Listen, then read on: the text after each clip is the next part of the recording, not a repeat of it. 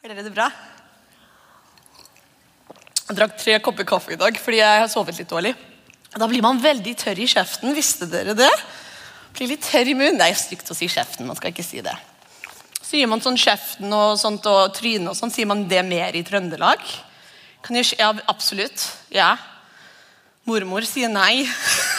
Men du er veldig ordentlig mormor, så jeg vet ikke om det stemmer. Vi sier vi stoler på den andre. Så bra. Jeg gleder meg alltid til å preke til dere. Jeg gjør det, jeg storkoser meg. Det er alltid da jeg stoler på at hva enn Gud har gitt meg, um, er korrekt.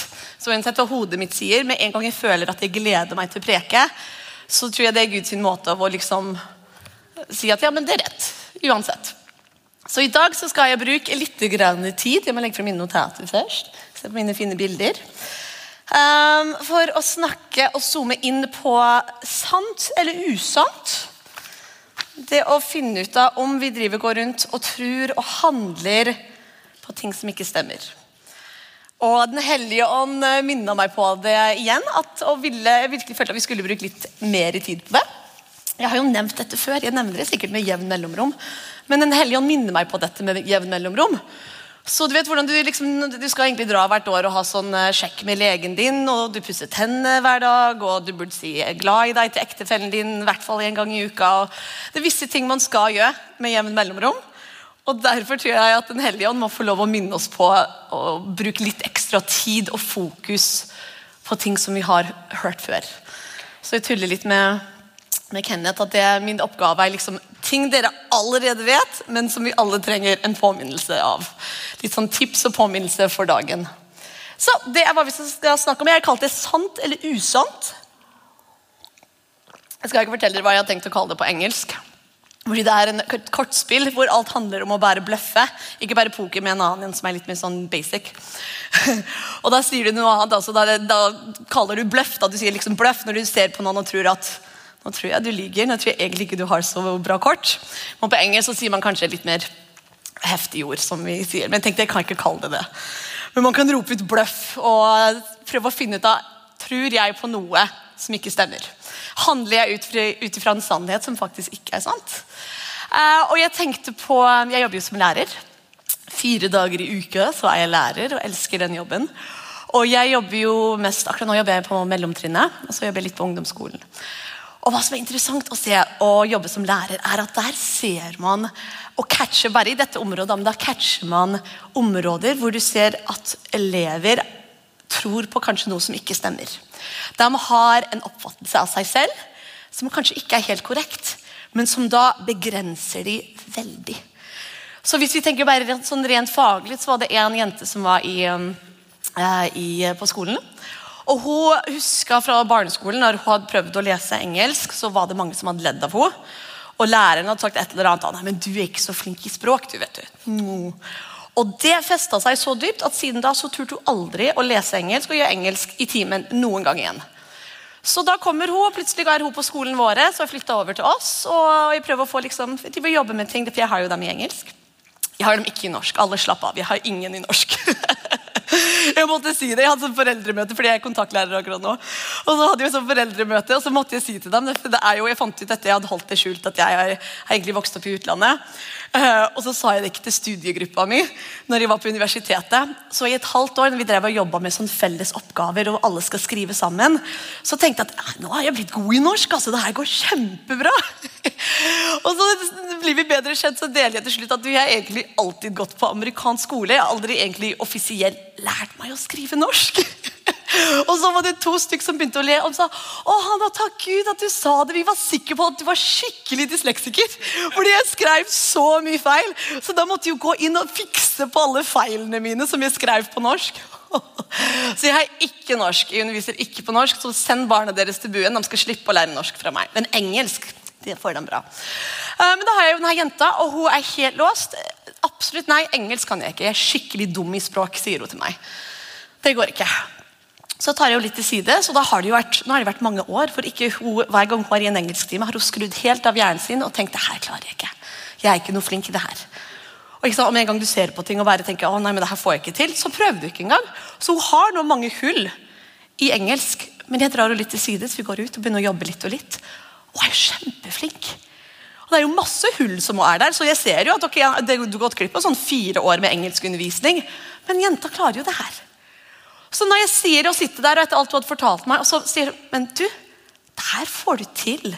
Og bare Å, nei, nei, nei, nei. Så krangler hun imot meg. Jo, det her klarer du. Du har mange, du har liksom fire-fem år nå med hull. Men det her, det er ingenting feil med at du skal klare det her. Nå, nå skal vi jobbe med det her. Og bare, ok. Men hva har hun gjort? Hun har nå gått glipp av fire år med av å lære å få til noe fordi hun har låst seg helt og har trodd på en løgn.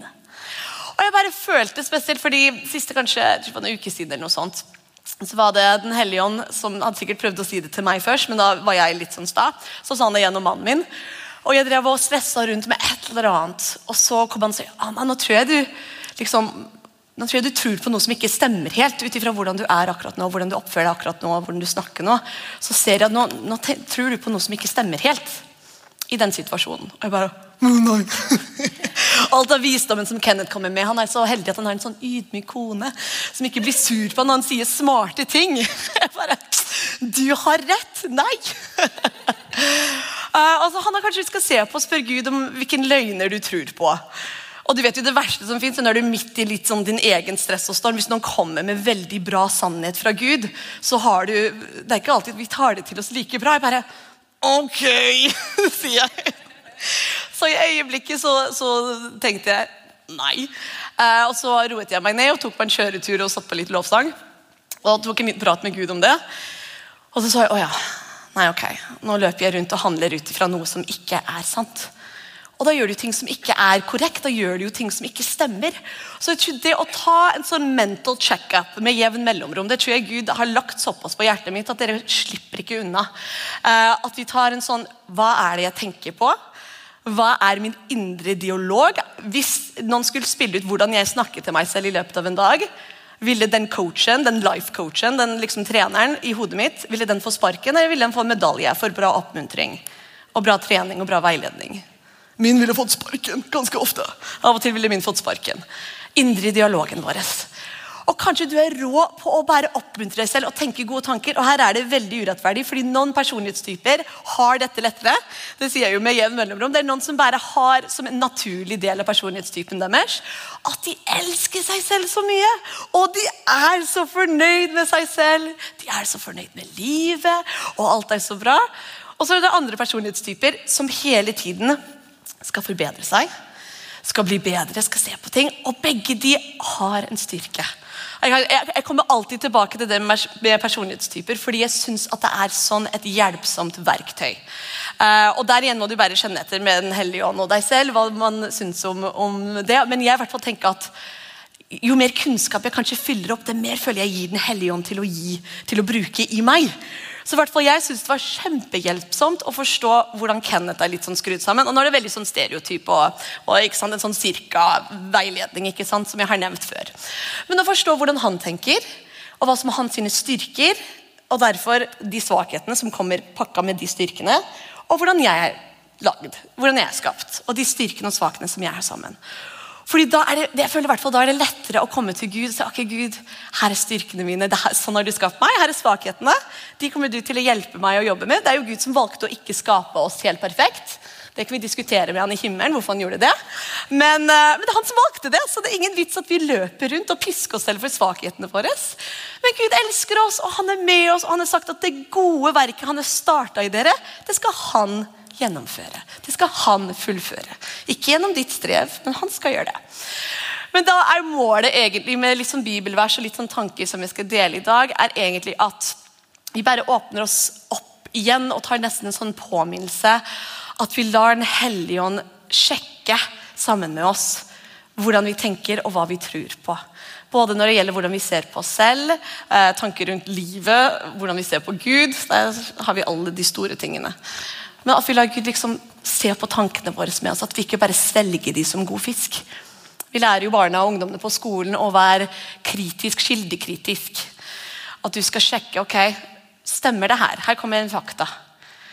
Og jeg vet jo til og med liksom ikke-kristne leger og psykologer og alt sånt, også når de jobber med noen som kanskje sliter med angst eller depresjon. Det er jo veldig sånn bredt spekter.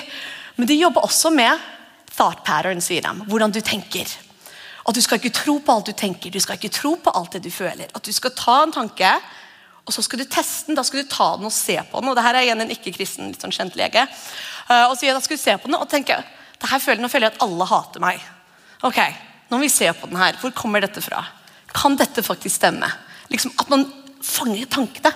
Og det er jo så bra bibelvers på det, som vi skal gå inn på nå. Klarer dere å se det der? Jo, det er større her, vet du. Alt er billig. Jeg har masse løver i dag. I hvert fall tre løver. Ja. Jeg liker det bildet av Gud som løve. Så han er mjuk og god og kan komme nær, men så er han også farlig og mektig. Så jeg elsker de bildene. Jeg sa jeg var tørr i munnen. Andre Korinterbrev 10, 3-6. Vi lever i en kamp. Selv om vi er vanlige mennesker, så kjemper vi ikke denne kampen på denne verdens premisser. For de våpnene vi bruker, er ikke noe vi henter fra oss selv. De blir gitt oss av Gud. Så, vi er jo i en kamp. Det er jo krig. Det er godt mot ondt. Eh, det er jo liksom light and darkness, Gud og djevelen, men vi vet jo hvem som vinner til slutt. Men vi ser jo at det er en kamp for mennesker. det er en kamp, ikke sant? Du ser jo det Alle Disney-filmer til og med for barn viser jo den kampen mellom lys og mørke. Ikke sant? Så det, Vi er i en kamp. Vi har ting å gjøre. Mens vi er her på jorda, har vi ting vi skal gjøre. Men vi får det vi trenger å bruke, får vi fra Gud. De blir gitt oss av Gud. Med disse våpnene kan vi rive ned store tankebygninger som har reist seg i oss. Vi bryter ned stolte argumenter og alt som går imot får kunnskap om Gud. Så Her snakker det først om krig, at vi trenger våpen, og så snakker det om tanker i hodet vårt. Så Det er en grunn til at det er jo Joyce Meyer som har skrevet uh, et sånn en bra bok som heter The Battle of the Mind. Battlefield of the Mind, kanskje er det. Men hun snakker jo veldig mye om at det er her det skjer. Det er inni hodet, det er tankene dine. Det er der du må ta kampen. Vi løper ikke rundt med ekte sverd, selv om hjemme hos oss er det masse sverd. Masse lasersverd, Star Wars-sverd. Uh, vi er veldig dilla på lekevåpen akkurat nå i huset vårt. Når liksom i barnehagen, for jo, Jeg har jo en fireåring og så har jeg en tiåring. Eh, begge gutter. Og en til, da.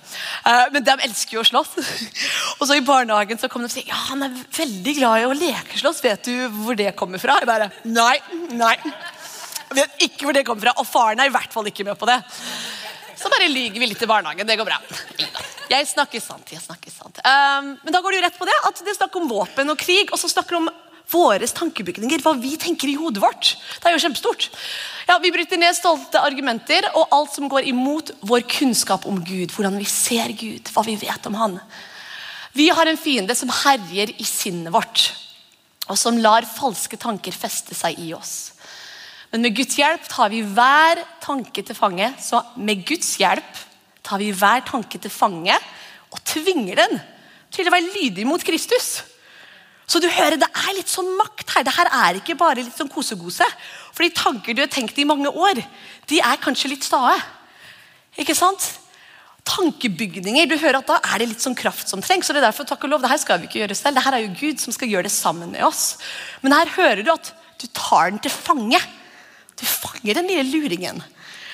Og saken er, Når det kommer til kanskje løgner og ting man tenker og tankebygninger Djevelen har ikke veldig mye kraft, men han er veldig slu. Så han er en luring. Så han kommer jo ikke til oss og prøver å selge inn en eller annen løgn som vi kommer aldri til å tro på.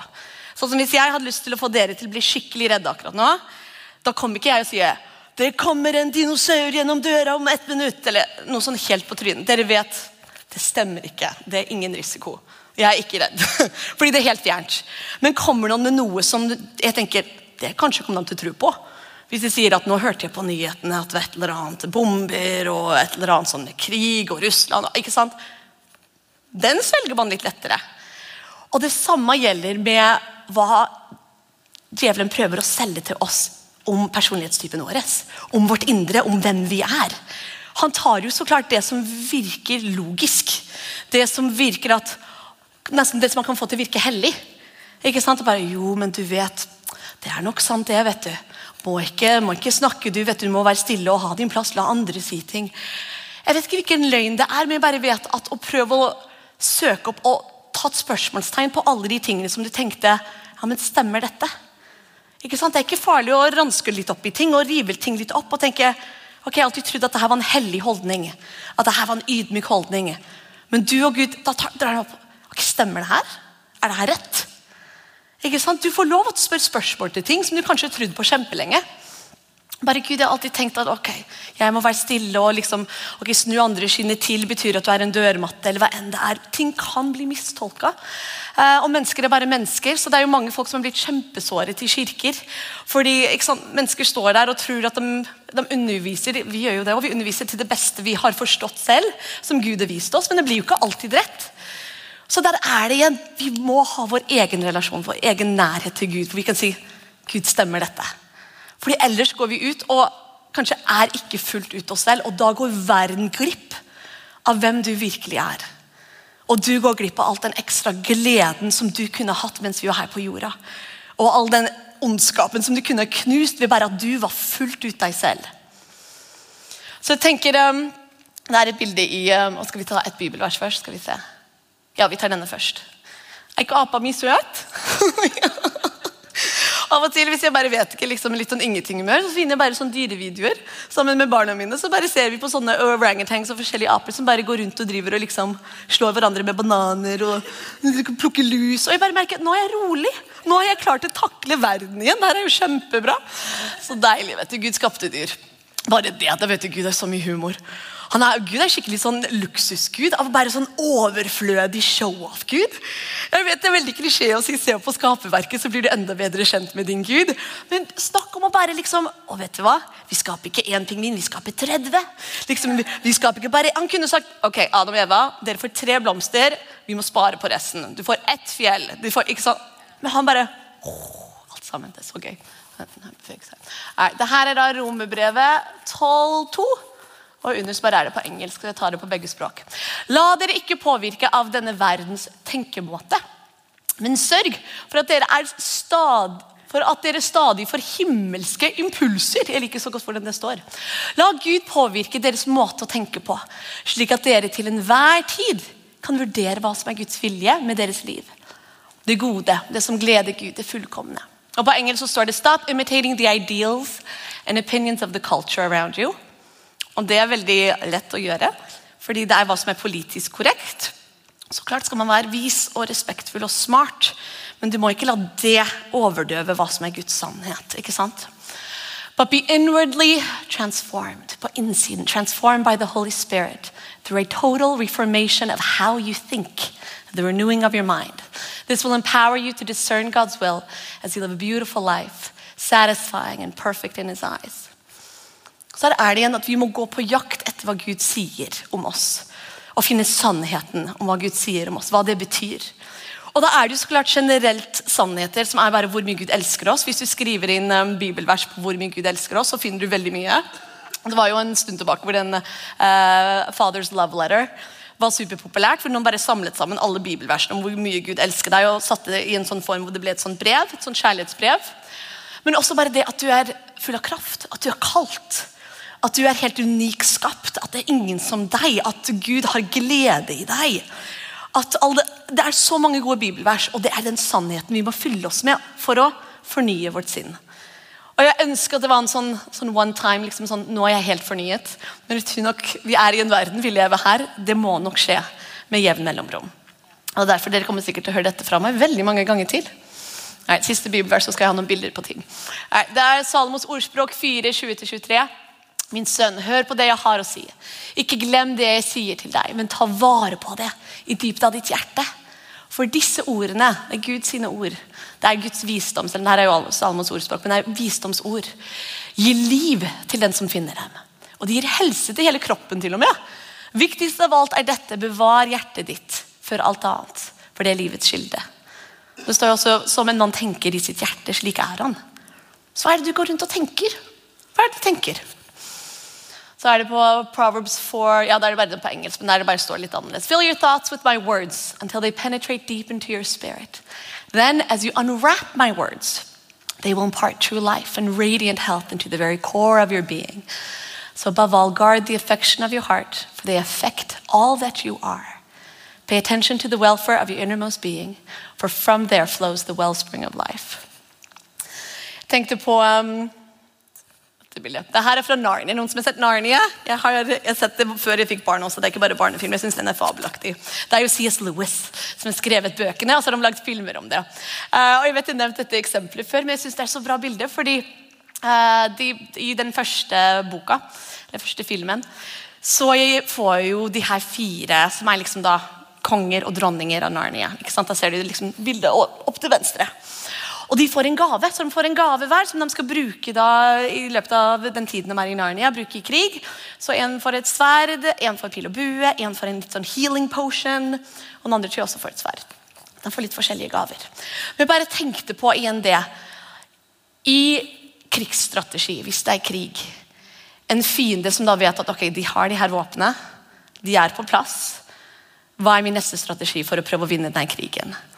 Kanskje jeg kan prøve å overbevise dem at de ikke klarer å bruke våpenet deres. Kanskje klarer å hviske til dem at våpenet deres er ubrukelige.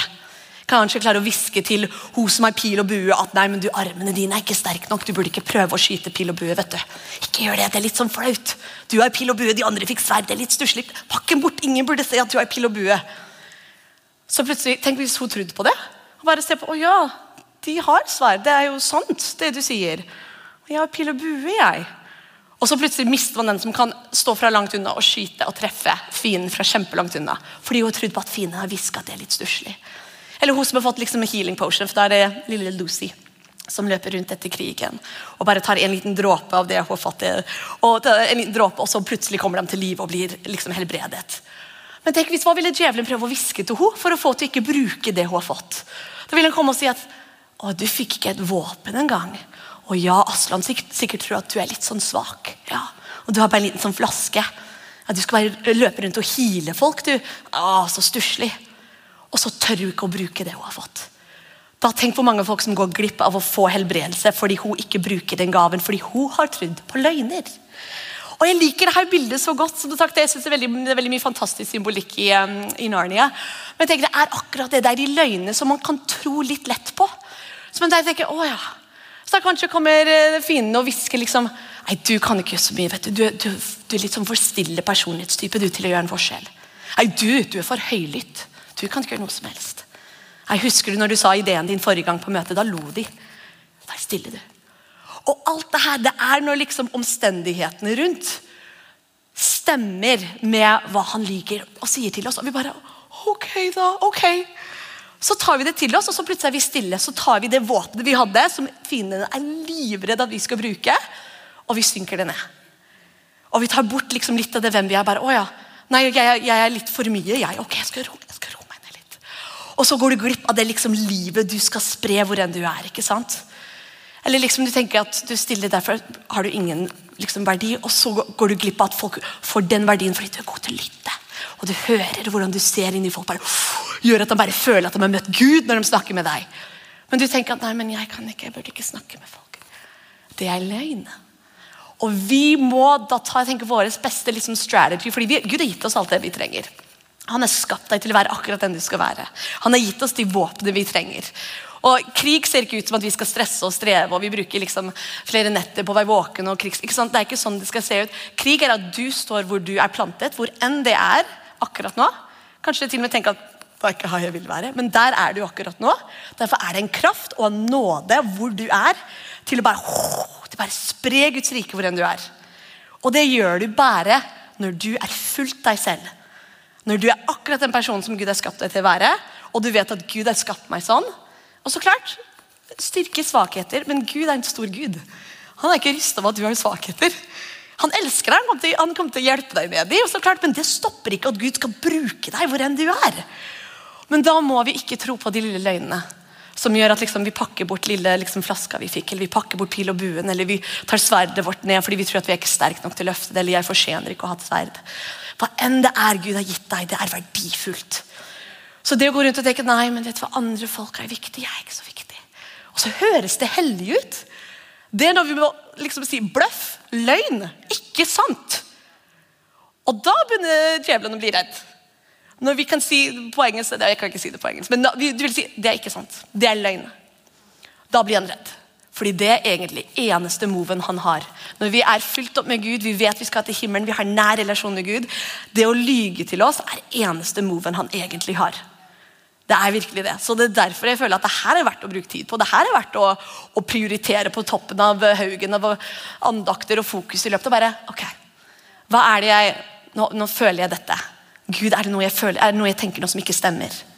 Ja, akkurat nå tror du at det er du som må gjøre alt. At jeg ikke er med deg. Ok, Gud, vet du hva? Du, du er Gud. Du er stor. Det her tar du hånd om, og jeg kan hvile i deg. Så må du kanskje si det 500 ganger til til det går inn, men da går det inn. Da kanskje trenger du ikke å si det igjen på noen dager. Det går inn til slutt. Det gjør faktisk det. Jeg husker når det var noen omstendigheter som jeg syntes var, uh, var vanskelig. Uh, og der igjen var det en løgn om hva de her omstendighetene betydde, eller hva det, var, hva det ville bety for framtiden, hva enn det var. Og det føltes så ekte følelser, du vet, når, du føler, når du føler noe det er jo sånn at Hvis du har drømt noe grusomt, og du våkner med de følelsene Det føles ekte, det føles som det er verdt, men det er en drøm. Så Da vet du kraften av hodet. Du kan våkne og føle deg helt ekkel fordi du har drømt noe superrart. Og så henger inn følelsene. Fram til du har satt på litt, eh, litt, lovsang og litt kaffe og danset litt rundt, og så har du rista det av deg. Men hvis du føler det, og så når du ser rundt, så syns du nesten alle omstendighetene bare mater inn at dette er sannhet, da er det vanskelig. Men vi har Gud. Vi har Gud som sier du må fortsatt tale sannhet. Både høyt og til deg selv. I ditt hode må du tale ut hva min sannhet er. Og vet du hva, Jeg syns det, synes det føltes så dumt i denne situasjonen å si sannheten, fordi alt i meg sa men det stemmer ikke. Jeg liksom drev og hånlo av meg selv mens jeg drev med det her. Jeg bare, Hanna, det her er bare sånn klisjé-bibelgreier. Denne gangen er det faktisk ikke sant. Jeg bare, men jeg tenkte, vet du hva? Jeg tar denne kampen. fordi å gå nedover i denne virvelen her og grave meg dypere og dypere ned Jeg mister all kraft i hverdagen min. Så jeg tenker til og med hvis ikke sannhet er sannhet, så skal jeg gjøre det. Fordi der var jeg da. Så begynte jeg å tale ut Guds sannhet. Fant bibelvers. Sånn er det bare. det her er sannhet. Og bare talte ut det motsatte av hva jeg følte. I hodet mitt, Hver gang jeg følte jeg begynte å grave meg ned igjen, så bare talte jeg ut. Ikke inn på do, jeg låste meg inn, satt og hviska det til meg selv. Og merka ingen forskjell i starten. Null forskjell! Akkurat samme følelsene. Satt og gråt på do like mye. Ja. Men jeg visste at det her er Gud pressa på. Det var Den hellige ånd. Så jeg, Hanna, fortsett. Fortsett. Tal sannhet. Tal sannhet. Si hva situasjonen er. Si hva jeg ser om deg. Tal det ut. Og, okay. og vet du hva? Da plutselig kom en ro. Og bare, svarte varte det ikke lenge. Da var det en ny situasjon som bare igjen bare, Se på den omstendigheten, og da var følelsene rett tilbake. Men bare nei. Tilbake til sannhet. Talte ut sannhet inni meg, talte ut sannhet ut. Det her er Guds sannhet. Og vet du hva, det landa. Det lander til slutt. Det går inn, og da ser du at å Gud, jo, det er jo sannhet. Det er jo faktisk sant. Men et halvt år tilbake eller noen måneder tilbake ville tenkt at det her kommer aldri til å føles som om det faktisk er sant. Men det gjør det. Så vet du hva, Den hellige ånd han er vår beste venn. Han er med oss til å pushe når det trenger å pushes. Og bare si at men det er her det de har sagt om deg. Det er ikke sant. Og så kommer du som din egen sånn, en sånn jurist som er mot seg selv og bare Ja, men se! Se, jeg har gjort det feil, jeg har gjort det feil, se hva jeg gjorde tre år tilbake. Se hva jeg gjorde forrige uke. Jeg er samme person som de sa jeg var. Jeg har ikke forandret meg. Fordi det har de sagt meg, det kommer aldri til å forandre meg. Og så er det Den hellige ånd som sier nei, jeg vet, jeg vet. Jeg tror det er derfor Gud har vært, og Jesus har vært god til å gi nye navn. Navn ikke sant? Det er identiteten som er koblet til identiteten vår. Så jeg tror det er derfor Jesus bare det her er hvem du tror du er. Men jeg gir deg et nytt navn. Det å komme og la Gud si og la Den hellige om pushe bare sånn Nei, jeg vet det her har du alltid trodd, men det her stemmer ikke. Der har du alltid trodd, men det her stemmer ikke. Det er annerledes. Du har en gave. Hvem du er, er en gave. Du må slutte å pakke den bort, og du må ta opp de tingene du tenker er sannhet og korrekt. Ta det opp i lyset. Ta det opp sammen med Gud. Er Gud, stemmer det her? Det er korrekt. Og Jeg tror ofte som sagt, at djevelen kommer til å prøve å lyge til om de tingene som er kanskje din største styrke. Sånn som Jeg har en venn, og jeg vet at bare en del av det, hvordan han er skapt, er bare for å spre Guds kjærlighet overalt. Det var jeg virkelig tror han er skapt til bare. Men hva er det som går på angrip, som han må jobbe mest med inni seg?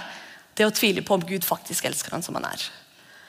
Jeg tror en av mine, I min personlighetstype og en av mine kanskje liksom gaver eller bare hva jeg er skapt til å til å dele med, skulle jeg si, eller som jeg er skapt til å gi i hvert fall familien vår, er at, at å ha en hvile og en glede i hverdagen. Og fordi Det er både personlighetstype og, og, hva jeg tror faktisk er mitt bidrag til hvert fall familielivet og til ekteskapet vårt. Men hva skjer da? Da er det akkurat det som blir angrepet. Og da kommer djevelen sånn sneaky-sneaky. Og, og, som sagt, Mannen min han er veldig forskjellig personlighetstype. Han er en sånn alltid tenker fremover, alltid har mål og plan. og Det er jo fantastisk.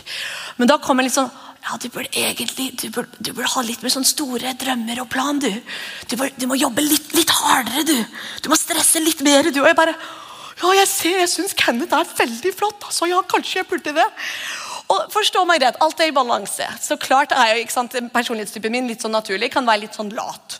Så jeg sitter ikke der og sier sånn er jeg bare, jeg får lov å være lat. Den hellige ånd jobber jo med at jeg skal planlegge ting og jobbe bra. Men det her handler om at det er en løgn som går på innsiden av hvem du er og den verdien du har som deg. Så når jeg kansellerer ut hele å nei, jeg burde være sånn, og da løper jeg rundt og da går jeg glipp av den gleden som, og den, den kraften som jeg skal komme med. Fordi Kenneth trenger meg. Kenneth trenger Han trenger den balansen i vår familien. for liksom da, Men nå feirer vi at det er tirsdag og vi skal kose oss. Han trenger det. Han trenger det, Ellers kan, han, kan personlighetstypen sånn som han kan brenne seg ut. Så Han trenger den balansen. Så det er en styrke at vi har det. Kan det tippe over av til? Ja. Kan ikke feire hver tirsdag at det er tirsdag med kake. Men Den hellige ånd er der for å finne den balansen. Det er ikke min jobb å kansellere ut min styrke fordi noen andre er annerledes. Eh, nå kan lovsangen komme opp, for jeg skal begynne å lande snart. Det å forstå hvordan vi er skapt, og se at vi er forskjellige og la Den hellige ånd tale til deg og vise deg den verdien du har, er veldig veldig viktig. Jeg må bare vise dette bildet. Er det noen som har sett Kompani Lauritzen? Åh, det er så morsom. Det var ikke så mange! Den er faktisk ganske morsom. Um, de, i starten, Jeg liker aldri første episoden. Den synes jeg virker slitsom. Det er en haug med um, sånn halvveis norske kjendiser som da er med og skal være med i, i liksom sånn militær trening. Uh, og var gjennom masse sånn øvelser og litt forskjellige ting. Og de gjør det mer på grunn at de skal liksom trene seg og teste seg. Og så går de liksom en sånn helvetesuke hvor de virkelig må gjennom litt sånn tøffe ting. Men da er det én oppgave de skal ha. Jeg bare tenkte på det i forhold til at Djevelen kan egentlig ikke gjøre noe til oss enn å prøve å distrahere oss og lyge til oss. Så har de en oppdrag hvor de skal stå høyt oppe, og de har en setning de skal huske, som de skal si høyt. Uh, ned til befalen som står der. Så de skal si én ting høyt, og så skal de liksom hoppe, hoppe ned i sånn strikk for å få liksom godkjent oppgave. Og så når de skal stå og gjøre Det det høres ut som en veldig enkel oppgave. De skal si én setning eh, som de må huske. Men når de kommer opp dit, så er det tre stykk som står rundt dem. Som da bare sier masse tull rundt dem. For å prøve å distrahere dem, for å, prøve, å få dem til å glemme hva de faktisk driver med. Så det er en som står der med en liten pinne og driver og slår ham på hjelmen og sier masse bæsj, promp, Kompani Bæsj. Og liksom bare sier masse tull. Det er veldig underholdende. Det kjempemorsomt. Uh, og de står jo der, og du bare ser dem sliter. Fordi det er jo bare distraherende mas rundt. Så du ser de som sliter og begynner å lytte, og plutselig sier de bæsj og promp. og bare sånn, nei, det, det, var ikke det jeg skulle si, det var ikke det jeg skulle si. Og så ser du dem som bare klarer å stå der litt, og du ser dem bare tuner ut og zoomer inn på hva de skal gjøre, og så sier de det. Og jeg bare tenker, vet du hva? Det er bare det maset og det tullet som djevelen kan komme med av og til. Vi må ikke la det feste seg til oss og distrahere oss fra Vi er Guds barn. Vi er fortsatt her på jorda fordi han trenger oss til å være her. Vi har en hensikt. Det er en grunn til at vi fortsatt er her. Det er noen som trenger oss. Og det trenger ikke å se, ikke la djevelen lyge til deg og si at det må se sånn og sånn ut. Bare hvor, hvor du er, der skal Gud bruke deg trenger ikke å løpe og finne opp masse rare greier som ikke Den hellige ånd har fortalt deg at du skal gjøre. Da løper du foran Den hellige ånd. Den hellige ånd har sagt at jeg skal vise deg hvordan å jobbe. Du går med meg, så hviler du. Walk with me, work with me, watch how I do it. Løper vi foran Den hellige ånd, så blir det ingen frukt av det uansett. Et tre kan hoppe ut av jorda og tenke at nå skal jeg, nå skal jeg bære masse frukt. og jeg føler jeg må gjøre det. Det kommer frukt når den blir i jorda, og jorda er Guds kjærlighet. Vi får alt vi trenger ut ifra Gud. Så jeg bare synes det er så morsomt. Kompani Lauritzen, den er ganske gøy. Her er mine oppsummerende punkt. Sjekk tankene dine. Fyll ditt sinn med rette tanker, med sannhet. Syns du det er vanskelig å finne en eller annen måte å fylle hodet ditt med gode tanker, med rette ting? Syns du det er vanskelig en stund å sette deg ned og lese Bibelen? Det er helt ok. Jeg har litt sånn forskjellige faser og tider hvor jeg syns det er veldig lett å sitte ned og, og lese. Og andre ganger uh, hjelper Den hellige ånd meg å være kreativ. For når jeg får i meg Guds ord er alltid det fantastisk å ha Guds ord. det er det.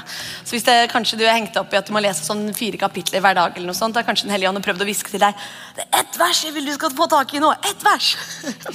Bla opp der. Men vi må få i oss nye tanker. Vi må få i oss Guds sine tanker, Guds sine sannheter. Da hvis det er at man hører på prekener, hvis man hører på skrive inn liksom uh, tanker Joyce Myers, eller skrive inn en predikant du vet du liker å høre på, som kan da bare fylle opp hodet ditt. Så det gjør jeg hvis jeg merker at følelsene mine er så surrete og bare som en stor suppe, og jeg bare til og med Hvis jeg ber, så vet jeg ikke hva jeg skal be. Så enten så ber jeg i tunger, fordi det er kraft. Det er bare, uff, det bare blåser rent alt. Og så føler jeg plutselig føler jeg driver og ber for noe kjempeviktig et eller annet sted. Eh, eller så setter vi på en podkast eller YouTube som fyller da. For Det er nesten som å dusje. ikke sant? Det står jo det at du skal dusje tankene dine i Guds ord. Plutselig får jeg et input. ikke sant? Tenk Hvis man har vokst opp med foreldre eller lærere eller noen som har sagt masse dumt over deg gjennom hele oppveksten din, eller som ikke har sagt noe til deg, så er det bare et stort tomrom. Da er det jo mange år av at hodet ditt og din personlighetstype har enten ikke fått det den trengte, eller fått feil informasjon. Da tar det av og til litt tid. Jeg tror absolutt at Gud kan bare rive av en løgn som har vært på livet ditt med en gang. Jeg tror absolutt han kan gjøre det. Men andre ganger så tror jeg det er litt sånn nesten at han vil at vi skal jobbe det inn selv, nesten. For å virkelig få den på plass. Og vi lager en ny spor om hvordan vi tenker om oss selv. Det er som det bildet jeg nevnte før. at Når du går gjennom helt sånn, Hvis det er snødd og det er liksom en meter snø plutselig Første gang du går eh, gjennom en sti, så føles det veldig tungt. Men kanskje du alltid har gått den veien, og der er det veldig lett å gå. Men første gang du skal gå og tenke noe nytt Du gjør noe feil, du kjefter en gang til. Du fikk ikke til den ene tingen, den nye tingen du hadde lyst til å prøve. Så tenker åh, ja, typisk meg. Hadde jeg vet du, jeg bare ødelagt fra barndommen, eller det er typisk meg. Det er hva du vanligvis tenker. Og så sier Den hellige ånd ah, nå skal du lage en ny sti. Nå. Og hver gang du stopper deg og sier nei, Gud gir meg kraft. Det her er nytt. Og Gud kommer til å hjelpe meg å lære det her. Det her kommer jeg til å få til. Gud er med meg. Jeg har verdi uansett. Hva enn det er som Gud taler til deg.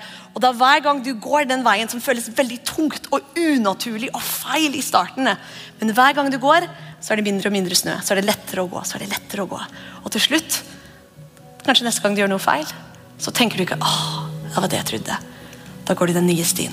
Som er liv, som er Guds sannhet, og det gir deg den kraften du trenger for hverdagen din. Siste her er egentlig Jeg skal ikke bruke tid til å lese det nå.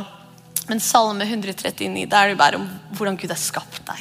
Formet deg, planlagt hver dag av ditt liv.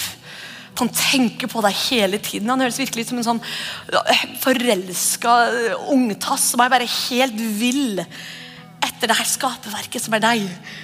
At han er så fornøyd med deg at han bare åh, Du må lese den om igjen og om igjen. Og i um, Passion Translation, den er bare på engelsk, men også Bibelen, uh, Bibelen Guds ord etter hverdagsbibelen, også veldig bra. Salme 139, les den om igjen og om igjen. om igjen. Jeg kommer alltid tilbake til uh, at vi var først og fremst skapt for, uh, for Guds hjerte. Var ikke, det var ikke krise, det var ikke krig eh, når Gud skapte oss. Han trengte ikke militær, han trengte ikke tjenere. Han ville ha en hjertevenn. Han ville ha noen som han kunne være sammen med. Så vår, Først og fremst vår hovedhensikt i alt er å være nær Gud. Og Jeg liker den her så godt, jeg bruker den med jevn mellomrom. at det, er noen som sitter og bare spiller. spiller bruker sin talent som Gud har gitt han. Ingen andre rundt. Det er ikke noen som driver og blir beskjent av det, men det er bare han som er seg selv. Han gjør det for Gud, fordi Gud skapte han for sin egen glede, for sin egen delight. Hvis han er bra ord på engelsk. Og det syns jeg er så bra. Vet du, Da reiser vi oss opp. Jeg har brukt en tredjedel av notatene mine, men sånn er det av og til. Vet du hva Vi reiser oss opp, og hva jeg vil vi skal gjøre lite grann, um, er at lovsangen skal bare spille litt over oss. Uh, bare spille litt sånn mentalt. Og det vet jeg vi har gjort før, men igjen, jeg tror Den hellige ånd alltid har nye ting å si til oss. Og mens de spiller litt i bakgrunnen, så bare tar vi et øyeblikk og bare spør Gud er det noe jeg tenker eller tror om meg selv som er løgn, som ikke stemmer. Hva er det? Så du kan kanskje spørre om hva er sannhet. Eller Gud, er det noe jeg tenker eller tror om deg som ikke er sannhet? Du kan spørre han. Så får man ofte svar. Bare la vi dem spille litt rolig for oss. Skal vi synge litt etterpå, så er vi ferdig straks.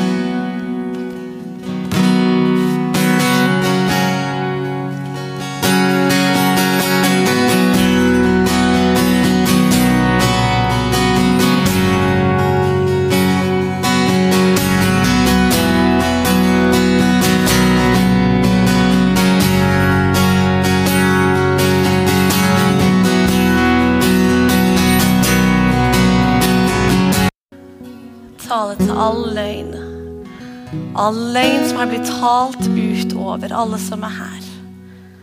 Bryter din makt i Jesu navn. All løgn som er blitt sådd inn i hjertene. Helligånd, bare blås det vekk. Blås det ren på Jesu navn. Blås det vekk. Bryter all kraft som de løgnene har hatt over livene. Til hver enkelt.